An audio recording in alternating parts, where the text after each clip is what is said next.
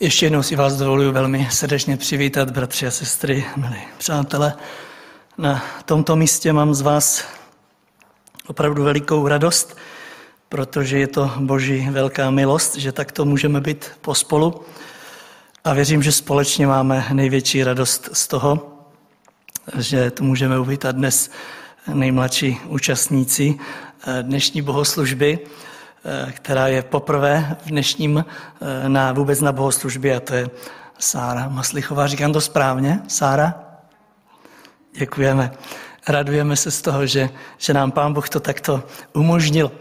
A víte, když je poprvé na biblické hodně, tak já věřím, že si zamiluje písmo a bude jednou z těch, které si Pán Bůh použije. Tak vás vítáme a jsme rádi, že můžeme být spolu. Pojďme přečteme si Boží slovo, které je zapsáno v Novém zákoně. Četli jsme ho už minulý pátek a budeme se nad ním zamýšlet dnes i příští pátek, dáli pán dožit. Lukášovo evangelium, 13. kapitola, od 6. verš po verš 9. Můžeme povstat z úcty k čtenému božímu slovu. Lukášovo evangelium, 13. kapitola, od 6. verše čteme tam toto slovo ve jménu Pána Ježíše Krista. Potom jim pověděl toto podobenství. Je zde míněn pán Ježíš. Jeden člověk měl na své vinici fikovník. Přišel si pro jeho ovoce, ale nic na něm nenalezl. Řekl vinaři, hle, už po tři léta přicházím pro ovoce z tohoto fikovníku a nic nenalézám. Vytni jej, proč má kazit i tu zem?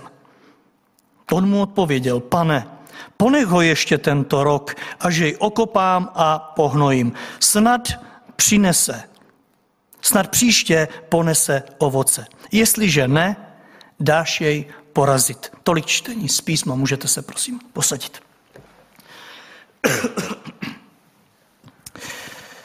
Tři duchovní podob- pohledy na jedno tělesné podobenství. A ne tři pohledy na adventní čas roku 2020. Biblický oddíl, nad kterým jsme se zamýšleli již minulou, eh, minulý pátek, tak popisuje, jak jste si všimli, podobenství, které pán Ježíš vypravoval svým učedníkům a zřejmě i všem, kteří tam v té době právě byli. A sice o jakési vinici, na kterou přichází její majitel za účelem, aby sklidil úrodu z fikovníku, který tam měl zasazený. Jenomže když tam přišel, tak žádná úroda na něm nebyla. A tak se rozhodne pro velmi razantní zákrok a to odstranit ten strom z vinice. Na základě přímluvy tam přítomného vinaře od svého plánu upouští a rozhodne se, že mu prodlouží čas, ve kterém bude schopen jim požadovanou úrodu dát. Asi tolik z toho, co jsme si tady četli. A já se spolu s vámi dnes chci opět ptát, tak jako minulý pátek, kdo jste byli tady a kdo jste sledovali biblickou na toto téma, Chci se opět ptát a společně s vámi, co tímto podobenství má být sděleno nám, božímu lidu, v této době. Budeme se ptát, kdo je majitelem vinice, kdo je vinařem, kdo je samotnou vinicí a kdo je tím fikovým stromem, který byl nalezen bez ovoce. Jak se v tom máme poznat, v čem se poznat a jak přijmout to, co právě o nás bylo řečeno. Minulý pátek jsme se na základě toho prvního duchovního pohledu na toto tělesné podobenství e, ubírali určitou cestou, která věřím, pokud jsme ji připustili do hloubky našich srdcí, se stala užitečnou a požehnanou. Pojďme si to jen tak trochu zrekapitulovat. Řekli jsme si, že majitelem vinice, který e, přichází, aby e, zmapoval e, situaci, že jim byl sám Bůh Otec. A vinice jako taková tento svět. Fíkovým stromem jsem tady z tohoto místa řekl v tom prvním pohledu, že byl boží vyvolený lid Izrael, který byl zasazený uprostřed vinice tohoto světa, ke kterému přichází Bůh hospodin s přáním, aby si ze svého lidu vzal ovoce, které očekával, že už bude zralé. Jenomže když tam přichází majitel, tak žádné ovoce u svého lidu nenachází. A tak se rozhodne, že ten strom z té vinice světa, že ho odstraní. Jenomže v té chvíli se do toho jak si zapojuje vinař s přáním, počkej ještě chvíli, dej mu milost, já se pokusím s tím něco udělat. A my jsme v tom vinaři viděli samotného Pána Ježíše Krista, který jak jinak než ve své obrovské lásce, obrovské milosti, když vidí ten razantní zákrok, se přimlouvá a prosí otce, aby mu daroval milost tomu fikovníku, s tím, že on udělá všechno proto, aby už až přijde příště, tento národ nesl ovoce. Ano, přimlouval se za to, aby mu pán posečkal, aby mu dal milost. A pokud si pamatujete, téma toho prvního kázání bylo majitel přichází. Ano, majitel přichází do své vinice a hledá ovoce. A tak, jak jsem vám to minulou neděli podal, tak takový bývá obvyklý výklad tohoto podobenství, na který se častokrát, z kterého se častokrát zkazatelem káže.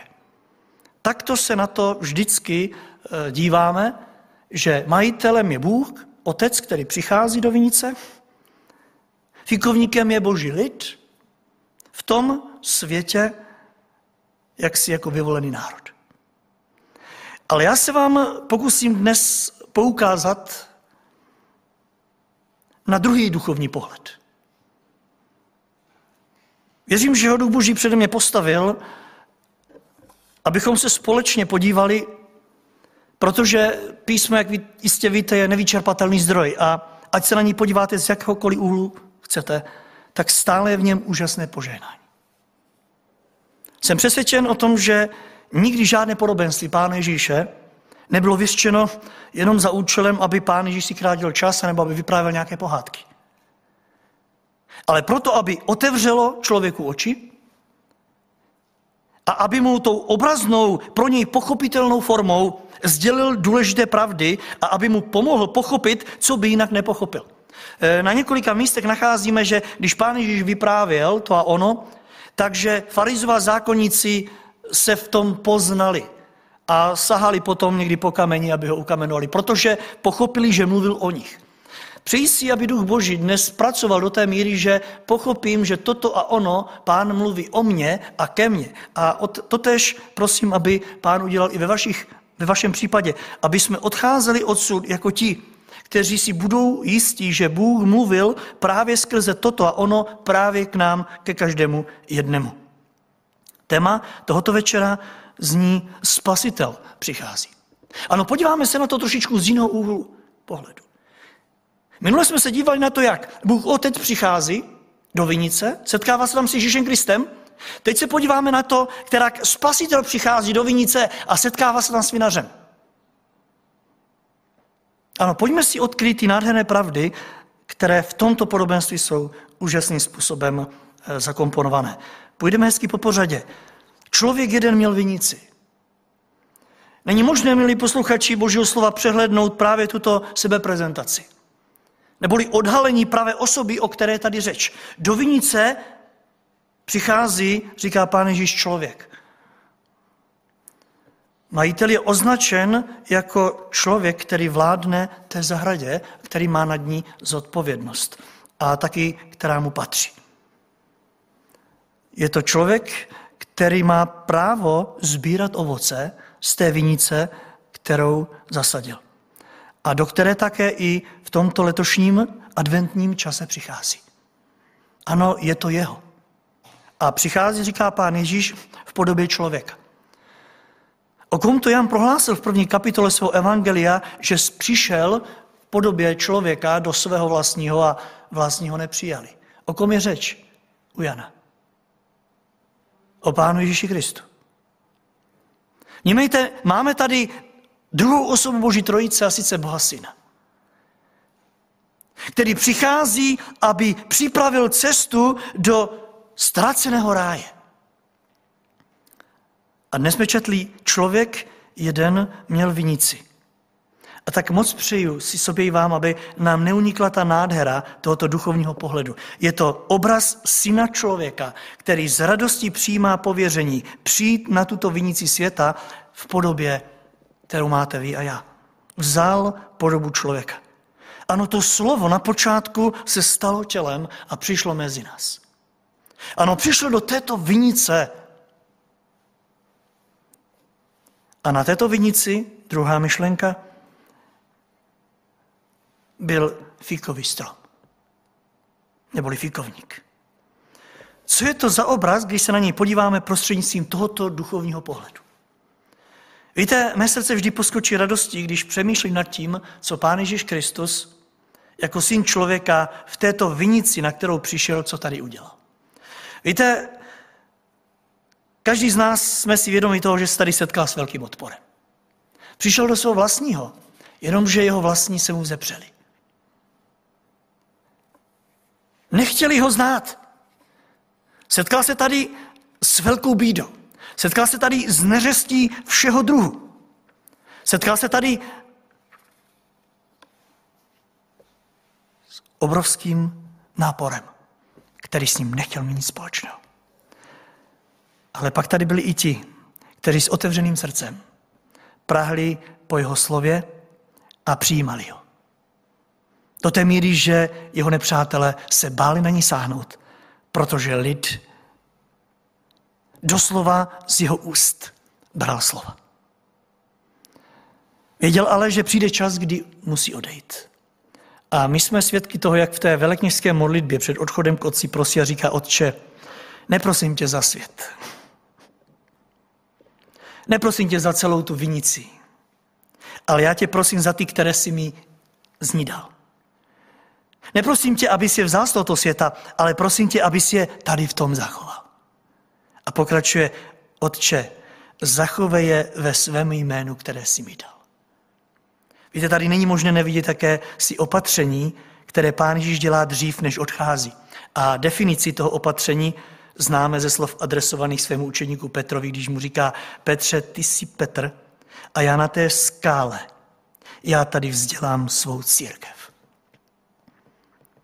Ano, pán Ježíš nebyl přijat a pochopen těmi lidmi, tím vyvoleným národem, tudíž izraelským domem. Přišel do svého vlastního, přišel do své vinice, jenomže oni v něho nevěřili. A tak pán Ježíš se rozhodne, že vzdělá duchovní dům uprostřed té vinice. Uprostřed toho svého vyvoleného národa. Dům známý pod názvem církev. Kristova církev. Všimněte si, jak se to zužuje ze světa na boží vyvolený lid a teď už ještě uší kruh. A Kristova církev v 1. Korinským 3.9 je nazvána mimo jiné také i božím polem. Vnímejte místem, kde jednoduše pán pracuje. Kde roste to, co zasadil za účelem, aby přineslo ovoce. Pochopili jste smysl tohoto slova? Fíkovník na vinici je mimo jiné obrazem Kristovy církve. Uprostřed těch, které si Bůh vyvolil, ale oni mu nevěří a odmítají. Ale také uprostřed těch, kteří uznávají Ježíše Krista. Ale nevidí v něm spasitele. Ano, fikovník uprostřed vinice. Někdo, na koho se Ježíš Kristus fixuje, dívá a od koho očekává ovoce. A teď se poslouchejte, poslouchejte ještě dál to krásné zdůraznění.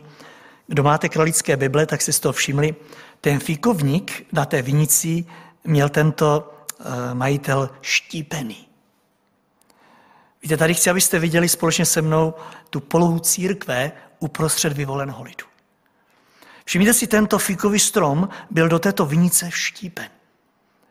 V tomto duchu mluví kralický překlad, že ten fikovník nebyl z té vinice. Ani od někud přesazen se svými kořeny, aby tady zůstal, ale byl vštípen do toho původního kořene, který už tam v zemi byl. A my v Římanům 11, 17, 19 čteme, že některé ratolesti byli vylomeni a ty jako planá oliva si byl vštípen místo nich a stal si se učiněn účastníkem kořene.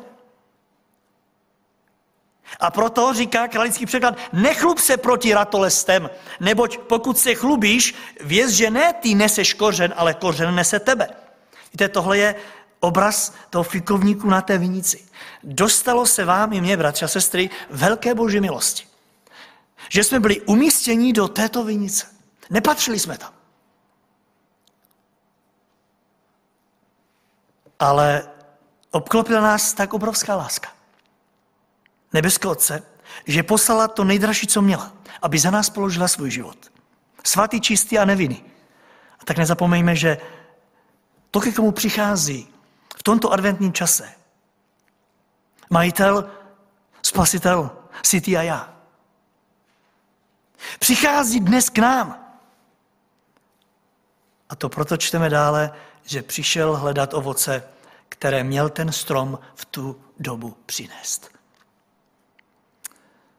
Ano, advent i tohoto roku nám mimo jiné hodlá říct, že Pán Ježíš, náš spasitel, který přinesl na tuhle zem spásu, který nás zahrnul do své velké rodiny Boží a který nás vštípil do původního kořene na své vinici, se právem rozlíží po ovocích. Po ovocích, které by mělo dozrávat. A on přichází dnes za tebou i za mnou, aby začal sklízet. Tak se ptám, těšíš se, až budeš moci pánu ukázat ovoce? Bude bohatá žeň? Budeme šťastní, až se pán zastaví u té naší koruny? Plné ovoce? A vůbec bude co sklízet? Advent skutečně časem sklízně.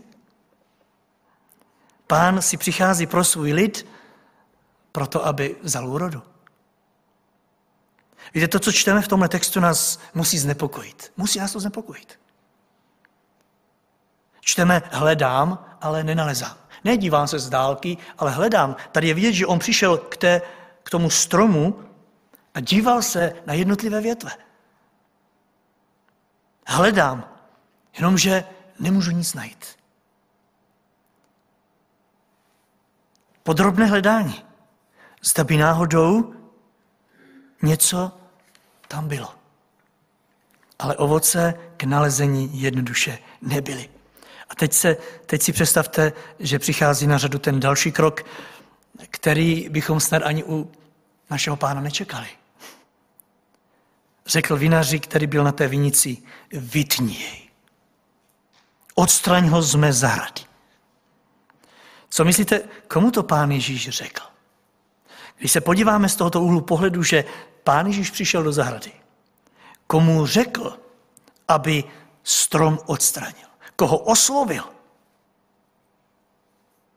kdo byl tím vinařem v tomto úhlu pohledu na zde zmíněné vinici.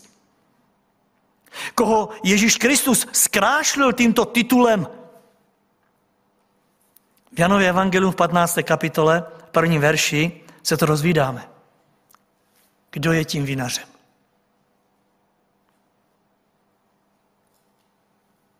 Pán Ježíš řekl, já jsem ten vinný kmen. A můj otec je vinař. Aby nám to bylo jasné. Že i tento úhel pohledu nám ukazuje jasně na toho, kdo přichází a ke komu. A přitom tvoří tu úžasnou zvláštní jednotu. Já jsem vinný kmen a můj otec je vinař. A jistě víme, pán Ježíš tam popisuje, co měl vinař za úkol, když přišel do vinice. Jak to definoval? Každou mou ratolest, která nenese ovoce, vinař co dělá? Odřezává. A každou, která ovoce nese, co s ní dělá? Mávne nad ní rukou? Čistí proč? Aby nesla ještě hojnější ovoce. Ještě si díváte, eh, divíte, proč zaujal toto stanovisko ve chvíli, kdy přišel na vinici a viděl fíkovník bez ovoce? Pán Ježíš právě požádal svého otce, aby se ujal práce. Nemá ovoce, otče, odstraň ho. Čekáte toto od svého pána. Víte, proto někdy kážeme eh, pouze v tom pohledu, že otec přichází a pán Ježíš se přimlouvá prosí a eh, do eh, nekonečna oroduje za nás. A nikdy na to i jako křesťané řešíme, že sice zřeším, ale pán za stejnak se bude přimlouvat, až přijde otec. Jenomže všimněte se z tohoto úhlu pohledu, pán Ježíš žádá otce, otče, ty jsi vinař, odstraň to, co nenese ovoce. Tady si poukázal na dvě věci. Týká se to každého z nás jednotlivců. Každý jsme tou ratolestí, která buď dává užitek, anebo nedává. A advent tohoto roku každého z nás volá skutečně k upřímnému zamyšlení se nad svými životy. Každý z nás jsme dnes mohli být e, na místě, kde je bratr Štefan. Každý z nás jsme mohli být někde úplně jinde, ale jsme tady. A já věřím, že Právě proto, aby jsme se zamysleli nad svými životy. Nad tím, jaké jsou v tuto chvíli, když pán přichází, zda má co sklidit, anebo nemá co sklidit. A za druhé, tento pohled se týká církve jako celek. Ano, nás, kteří jsme byli vštípení na ten kořen. My víme, že to není navždycky, ale že ta doba milosti jednou skončí. Nám pohanům byla milost dána na určitou dobu. A poštol Pavel v Římanům 11.25 říká, nechci bratři, abyste nevěděli toto tajemství, že zatvrdilost z částky přihodila se Izraelovi, dokud by nevešla plnost pohanu.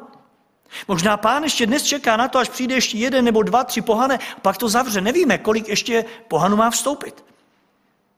Pavel říká, nechci, abyste nevěděli tohle tajemství. Tohle zatvrdilo se přihodila Izraeli proto, aby se otevřely dveře pohanu, z kterých my pocházíme. A 20. a 22. říká, nebuď vysokomyslný a boj se, poněvadž Bůh ani přirozeným ratolestem neodpustil a odstranil je. Věz, že ani tobě neodpustí. Ano, jestli neodpustil svému vyvolenému lidu a odstranil ho, neodpustí ani nám, kteří jsme byli na to naroubování, štípení. A dále říká, nebudeš-li trvat v dobrotě, i ty vyťat budeš.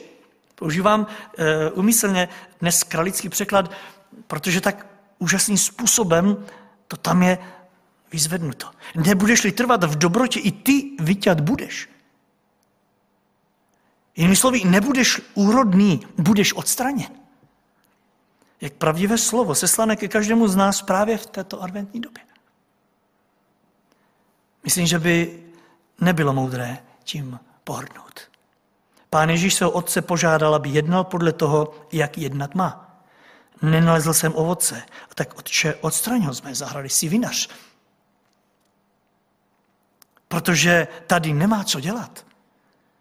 A abyste si nemysleli, milí posluchači, že to pán Ježíš udělal nějak ukvapeně, tak si eh, všimněte druhého důvodu, proč se tak rozhodl. Už tři roky přicházím hledat ovoce, ale nenacházím ho. Pane, já tady nejsem poprvé. Byl jsem tady před dvěma lety, byl jsem tady před rokem, udělal jsem mu milost a hle, on nemá ani letos. Pane, já se mu věnuju, jenomže on to nebere vážně. A tak ho vytni. Bratře a sestry, ptal jsem se v tiché prozbě při přípravě tohle slova, co je toto číslo tři za obraz pro nás dnes večer? Proč zrovna po tři léta? Minulý pátek jsme si řekli, že pro boží lid to byly ony tři roky, ve kterých pán Ježíš působil. A plakal nad Jeruzalém a říká, jako slepice kuřátka se snažím tě přijat po svá křídla, ale ty nechceš. Už tři, tři roky, tři celé roky a ty na to nedbáš. Díváme-li se na to z toho úhlu pohledu, co jsou ty tři roky?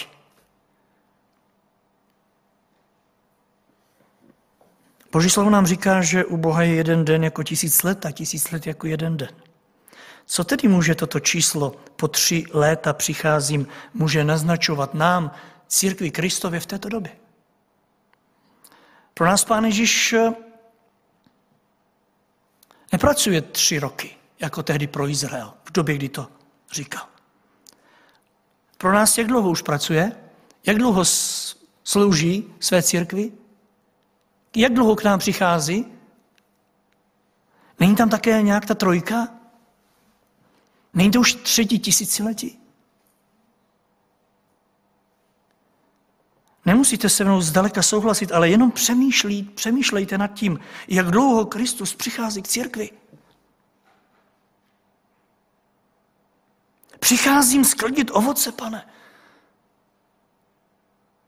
Opravdu nevnucuji nikomu z vás tenhle pohled, jenom prosím, přemýšlejte o něm. Jak dlouho pán se věnuje svému lidu. A ten další důvod, vytní ho vinaři, protože tady kazí zemi. Přemýšleli jste někdy nad tím, že neúrodný strom kazí zem, ve kterém je zasazen? Zahrádkáři jistě souhlasí, protože takový strom, který nenese ovoce, už je zbytečný tím, že stíní ostatním rostlinám vedle sebe. Zabírá místo úrodným stromům. Přesně v tomto směru mluví eh, rumunská Bible. Vytní ho, protože tady zabírá, zabírá to místo. Víme, na kterém může růst něco jiného. Jiný strom. Pán Ježíš jako by chtěl říci, na jeho místo bude umístěn někdo jiný. Vinaři, vytní jej, protože já tady chci zasadit něco jiného. Něko, někoho, kdo si bude vážit této země. Někoho, kdo si bude vážit této půdy a někoho, kdo bude těžit z toho a přinese ti ovoce. A jak vy starší, i v tomto zboru jste svědky toho, jak ten nebeský vinař svého syna uposlechl a udělal to v mnoha případech. Těch, které znáte. Ano, těch, které získali toto významné místo v církvi Kristově. Víte, že pán Ježíš se tím netajil, když říkal, že přijdou od východu a od západu a budou zasazeni na to místo, ale ti, kteří tam byli, budou odstraněni. Protože Kristově vinici pán nedovolí, aby se zabíralo místo, aby ta země byla nějakým způsobem ničená.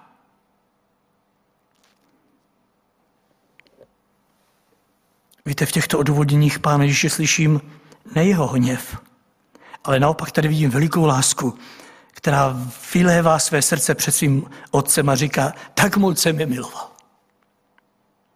Tolik jsem toužil po jejich záchraně, dal jsem za ně život, zasadil jsem je do své vinice, oni si to ale neváží, neberou moje slovo vážně, nenesou ovoce. Ano, přijali mě, při mi, slíbili, že jim budou sloužit, ale podívej se, listy ano, ale ovoce nejsou. Otče, bylo by dobré, kdybys uvolnil toto místo pro někoho jiného. Ano, kdyby si s nimi ukončil ten poměr pracovní, který si měl. A všimněte si toho, že ten druhý důvod je zde řečený e, formou otázky.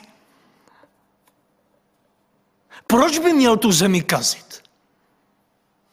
A víte, co mě na tom nejvíc zaujalo? To, že na tuto otázku vinař neodpověděl. Protože na tuto otázku neexistuje odpověď. Proč bych měl kazit v církvi Kristově to místo, kterého si nevážím, z kterého nejsou ovoce? Proč bych měl zabírat to místo?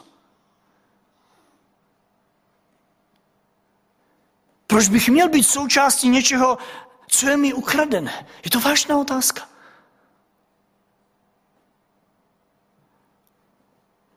Řekl jeden kazatel, proč mít ve sboru členy, které pomalu nezná? Proč? A všimněte si, na to vinař neodpovídá, protože na to není odpověď. Já nevím proč. K čemu jsou ti, kteří pouze naslouchají, ale nereagují na to celá léta a v tom umírají? Onen fikovník zabíral místo. A ekumenisti říkají, že kazil tu zemi.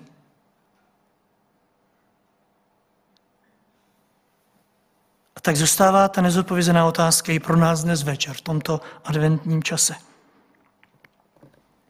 Vinaři, proč mu promíjet? Zkus říct proč. A tak, drazí moji, advent a my si musíme tuhle otázku zodpovědět, každý vůči sobě. Proč nenést ovoce hodně křesťana? Proč neplnit Boží vůli? Proč nedělat to, co pán chce? Vinař na ní neodpovídá, ale to, co říká, je přímluva. Nech ho ještě. Dopřej mu ještě jeden rok. Buď k němu zhovývavý ještě nějaký čas. A všimněte si nyní pro změnu dvou odůvodnění, dvě, dvě, dvě, dvě odůvodnění vinaře. Za prvé říká vinař, já ho okopám a pohnoj. Co říkáte tomuhle duchovnímu obrazu? Chci ho nejprve okopat, říká vinař. Rumunská Bible říká, okopám mu zeminu kolem dokola a hnůj mu vložím přímo ke kořenu. Chápete? Otec svému synu říká, dopřij mu chvíli, níž se pokusím jeho srdce skypřit pro tvé slovo. Dopřij mu, ještě aby tu sílu příštící z nás, abych mu vložil přímo ke kořenům, totiž do hloubyho srdce. Synu, dovol mi, abych obněkčil jeho srdce a pak mu tam vložil moc Ducha Svatého. Opět v něm zbudují svůj chrám pro svého ducha. Není to krásné? Pán Ježíš přece říkal, že otec tu moc má, ne? Proto jsem se na to podíval dnes opačno pohledu. Pán Ježíš řekl, že pošle ducha, který nás uvede do veškeré pravdy. Pán Ježíš říkal, já požádám svého otce a on vám ho pošle. A všimněte si teď v tomhle úhlu pohledu, že syn říká, otče, vytni jej, a on říká, nech ho, nech ho, já ještě, já ještě zapracuju. Já mu dám ten hnůj až ke kořenu. Já mám moc ještě ho nastartovat. A tak co myslíte, ta půda nebyla skypřená předtím? Už předtím ještě nebyla skypřená? Já věřím, že tím, že byl na té vinici zasazený, vštípený, že už skypřená byla. Byla i pohnojená. Jenomže, víte, tohle je obraz těch našich vychladlých a zatvrzelých srdcí. Z kterých duch Boží pomalu odchází, protože mu nedáváme místo. Pochopitelně, pak jsou tam listy, vypadá to pěkně, ale ovoce chyby. A teď si všimněte toho dalšího vzácného slova. Vina říká, snad potom ponese ovoce. Víte, mě tady zarazilo tohleto snad. Ať chceme nebo ne, je tady vidět obraz svobody. Já udělám maximum, já ho okopu, já mu dám hnůj až ke kořenu. Snad, snad. Ano, je na mě a na vás. Zda ten opětovný zásah si v nás udělá svoji práci. Kraliči říkají, zdali by nesl. Já okopám, pohnojím, zdali by nesl. Všimněte si, že vinař se nezaručuje za to, že, tomu, eh, že to tomu stromu pomůže. Ale pouze říká, já to udělám. Dej mu milost a já se pokusím. Tak bratře a sestry, advent tohoto roku nám chce mimo jiné říci, že si není co zahrávat s užitkem, který se od nás očekává.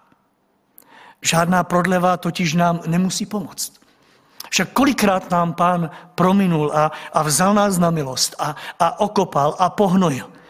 Jenomže, jak vidíte, žádná prodleva nemusí pomoct tomu, kdo to bere na lehkou váhu. Ano, pokud nenecháme, eh, necháme svá srdce zhubnout vůči boží lásce, která se za nás obětovala, už žádné duchovní hnojivo ani okopávání nám nemusí pomoct. To, jestli pomohlo to tomuto fikovníku, se už nedozvíme. Ale teď pojďme k tomu závěrečnému osmému bodu. Pokud neponese ovoce, tak pak jej vytneš, říká vinař. Jinými slovy, pokud ani potom se to nenapraví, pak jej odstraníš. Ekumeniši říkají, dáš ho porazit. Ale tady chci, aby jsme chvíli spozornili v závěru. Tady možná nám to nejde zase dohromady. Pán Ježíš Kristus přichází ke svému otci vinaří a žádá ho, vytní ho otče. A vinař mu odpovídá ne. Já se postarám o to, aby ještě se to napravilo. A pokud se to nenapraví, tak ho vytneš ty. Není to zvláštní? Je to zvláštní, protože náš vinař je velice zvláštní. Náš Bůh je velice zvláštní, kdo ho pochopí. Ano, je v modě v současné době chápat Pána Boha a tak si ho nějak úskovat. Ale já chci, abychom si udrželi v našem sboru jako Boha, kterého nedokážeme pochopit. Nedokážeme ho pochopit ani v tomto slovu. Ale dostatečně ho dokážeme pochopit natolik, aby v našem srdci si Duch Boží dělal svoji práci. Podívejte se na toto krásné eh, prozrazení. Úžasný výsledek. V závěru kázání chci poukázat, jak to krásně se seřadilo. Syn přišel za otcem, protože Jan 5.19 říká, syn nemůže sám od sebe nic činit. Pán Ježíš mnohokrát říkal, já od sebe, sám od sebe nemůžu vůbec nic udělat. Ale, ale, Jan 3.35, otec syna miluje. A skutky 3.13, Bůh svého syna Ježíše oslavil a proto Jan 5.22, všechen soud dal synu. Všimněte si, jak se to krásně propojuje. Proč? Písmo říká, aby ho všichni ctili. Všechen soud dal synu. Synu, já to udělám, já, já ho se smiluju, dám mu svého ducha, zmocním ho, otevřu mu srdce. Skypřím půdu jeho srdce. Pokud ne, předám ti soud. A tak končím otázkou ze Žalmu 2.12. E, tedy e, končím kázání slovy ze Žalmu 2.12. Tam čteme, líbejte syna, aby se nerozněval. A kdo vás z vás mi řekne, jak to pokračuje, to slovo? Líbejte syna, aby se nerozněval, protože pokud by se rozněval, tak vy byste na té cestě zhynuli. Líbejte syna, aby se nerozněval a zhynuli byste na cestě. Jinými slovy, využijeme tento adventní čas k nápravě, kterou nám nabízí vinař protože dnes adventem ještě přichází spasitel. Věřím, že si to nikdo z nás nenecháme ujít. Že, se necháme, že si necháme skypřit půdu. Že se necháme pohnojit. A že necháme své srdce, aby ho dovedl pán tam, kam ho chce dovést. Protože jedině tak, až přijde, a jak vidíte, může to být kdykoliv, najde ovoce, které požaduje. Přeji si to pro sebe, pro svoji rodinu i pro každého z vás, kdo patříte do Božího lidu. Amen.